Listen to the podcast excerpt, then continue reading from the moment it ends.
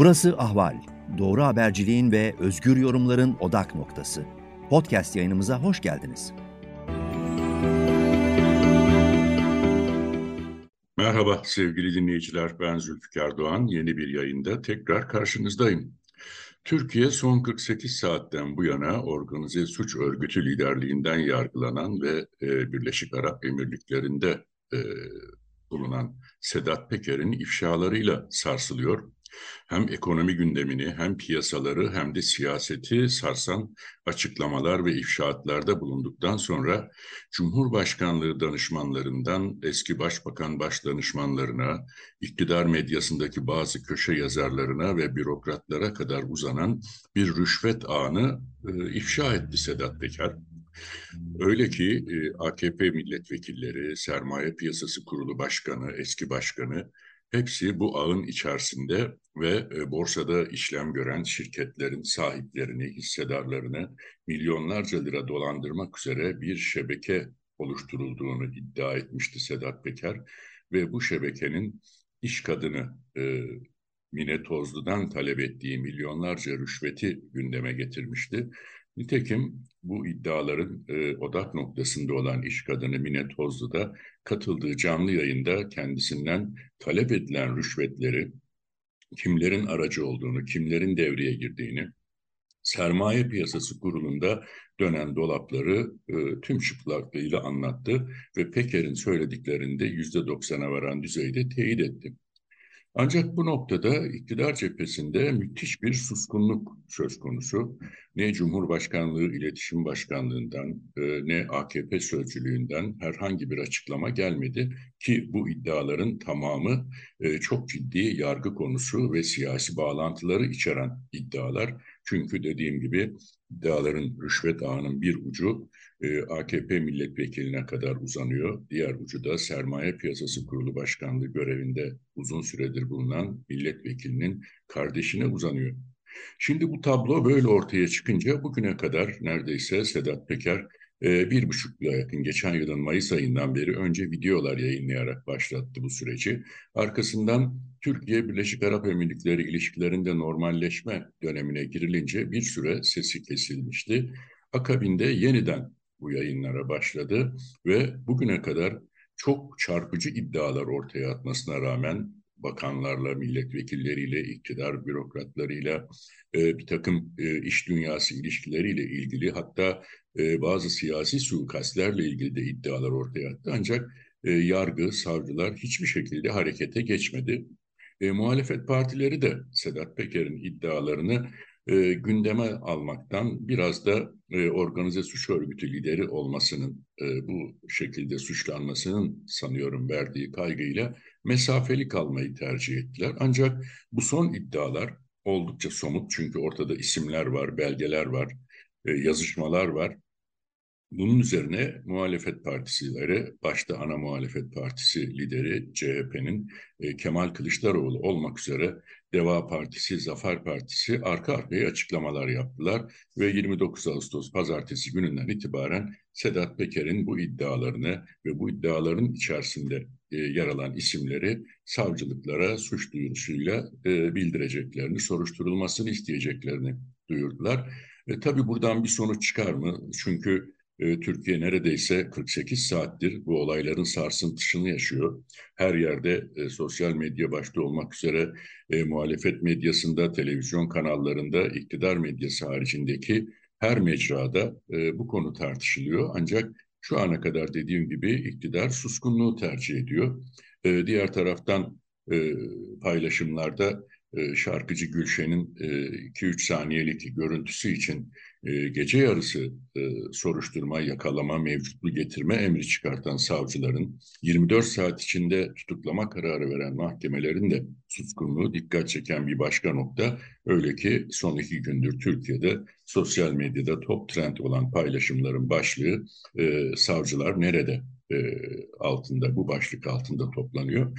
Dediğim gibi Muhalefet e, pazartesi gününden itibaren bu iddiaları yargıya taşıyacak ve e, en azından e, muhalefet sözcüleri de buradan e, yargının bir karara varmasını, bir sonuç çıkarmasını beklemediklerini ancak tarihe belge bırakmak ve ileride bir iktidar değişikliğinde yargı sürecini e, devletteki temizliği başlatmak amacıyla bu belgeler üzerinden yürütmek için bu başvuruları yapacaklarını söylüyorlar. Tabii Sedat Peker'in bu açıklamalarıyla ortaya çıkan rüşvet ağı Türkiye'de sermaye piyasalarında, menkul kıymet piyasalarında, İstanbul borsasında e, çarkların nasıl döndüğünü büyük ölçüde e, açığa çıkarttı.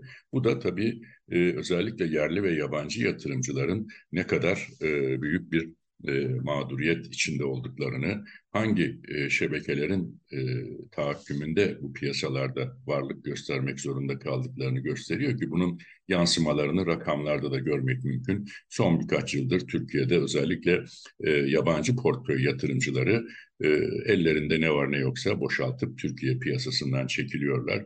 Yeni e, portföy yatırımı gelmediği gibi yerli yatırım sermayesi de son bir, bir buçuk yıldan bu yana hızla yurt dışına e, çıkış e, sürecine geçti. Öyle ki son açıklanan ödemeler dengesi rakamlarında e, yerli yatırım sermayesinin yurt dışına çıkış tutarı 6 milyar dolar aştı. Gelen yabancı sermayenin oldukça üzerinde bir tutar bu. Tabii şimdi e, piyasalar açıldığında, pazartesi günü borsada işlemler başladığında bu iddiaların e, ne tür yansımaları olduğunu e, görmek daha mümkün olacak. Ama e, sermaye piyasalarını, menkul kıymet piyasalarını kilitleyen e, bu rüşvet ağının dışında e, Merkez Bankası'nın almış olduğu bir başka kararda banka finans piyasalarını adeta kilitledi. E, politika faizinin bir puan daha indirilerek %14'ten 13'e düşürülmesinin ardından Merkez Bankası bir tebliğ yayınladı ve bu tebliğle bankaların ticari kredi faizlerine alt ve üst sınır getirildi.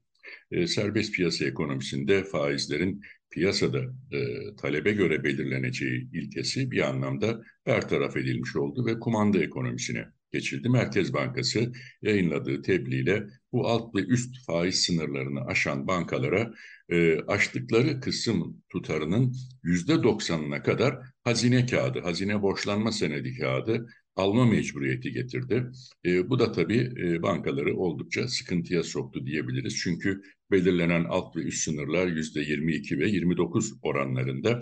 Oysa şu anda Türkiye'de enflasyon yüzde 80 ve Merkez Bankası'nın politika faiziyle e, bankaların e, uyguladıkları faiz ve enflasyon arasındaki makas çok ciddi şekilde açılmış durumda. Şimdi bankaları yüzde 80 enflasyon olan bir ortamda yüzde 22 azami yüzde 29 faizle e, kredi vermeye zorlamak. Bunun üzerine çıkamazsınız. Çıkarsanız e, çıktığınız tutarın yüzde doksanı kadar hazine kağıdı almak zorundasınız diye şart koşmak bir anlamda bankaları e, kredi vermekten de kaçınmaya ve bu limitlerin dışına çıkmamak için e, işlemleri durdurmaya yönlendirdi.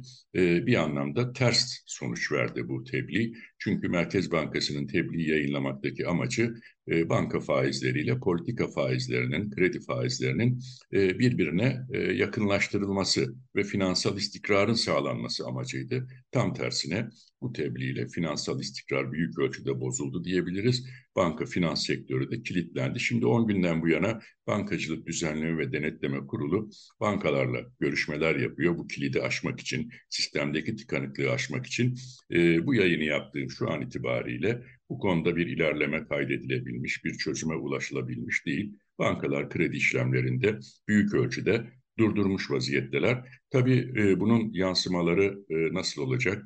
E, sanayiciler, özel sektör, daha önce İstanbul Sanayi Odası Odalar Birliği ile yapılan toplantılarda Merkez Bankası Başkanı'na yüzde 40-50 faize rağmen e, krediye erişememekten yakınmışlardı. Şimdi Merkez Bankası zoraki bir şekilde faiz indirimine gitti ama bu kez de bankalar e, bu faizlerle e, kredi vermenin e, kendileri açısından, mali bünyeleri açısından imkansız olduğu görüşündeler. Bunun da ötesinde hazine kağıdı alma mecburiyetinin getirilmesi e, 94 ve 2001 krizlerinde e, bankacılık sektöründe çok ciddi batışlara yol açan bir süreci de e, akla getiriyor. Çünkü o dönemde de yine bankalara hazine borçlanma senedi almaları için portföylerinde ciddi tutarda hazine kağıdı bulundurmaları için koşullar dayatılmıştı. Bunun akabinde kriz geldiğinde pek çok banka portföyünde bulunan hazine kağıtlarını nakde çeviremediği için e, batmak zorunda kaldı, battı ve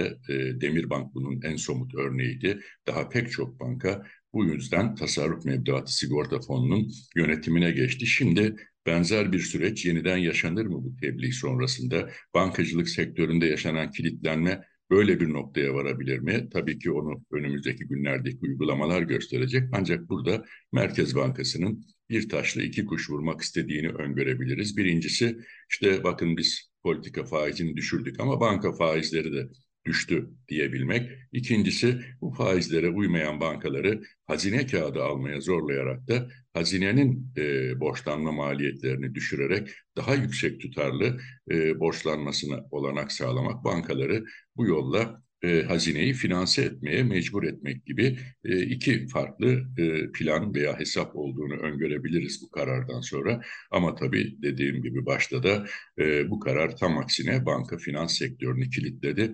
Bu kilitlenme aşılamazsa e, krediye erişim daha da zorlaşırsa önümüzdeki süreçte ekonomik daralmanın daha belirgin hale gelmesi, üretimde ve istihdamda sert düşüşler yaşanması ve çarkların e, iyice yavaşlaması söz konusu olabilecek en e, yüksek ihtimal dahilinde bunu da söylemek mümkün. Evet, bir yayında daha sona geldik. Benim sizlerle paylaşacaklarım bunlar. Yeni bir yayında ben Zülfikar Doğan. Tekrar karşınızda olacağım sevgili dinleyiciler. Hoşçakalın.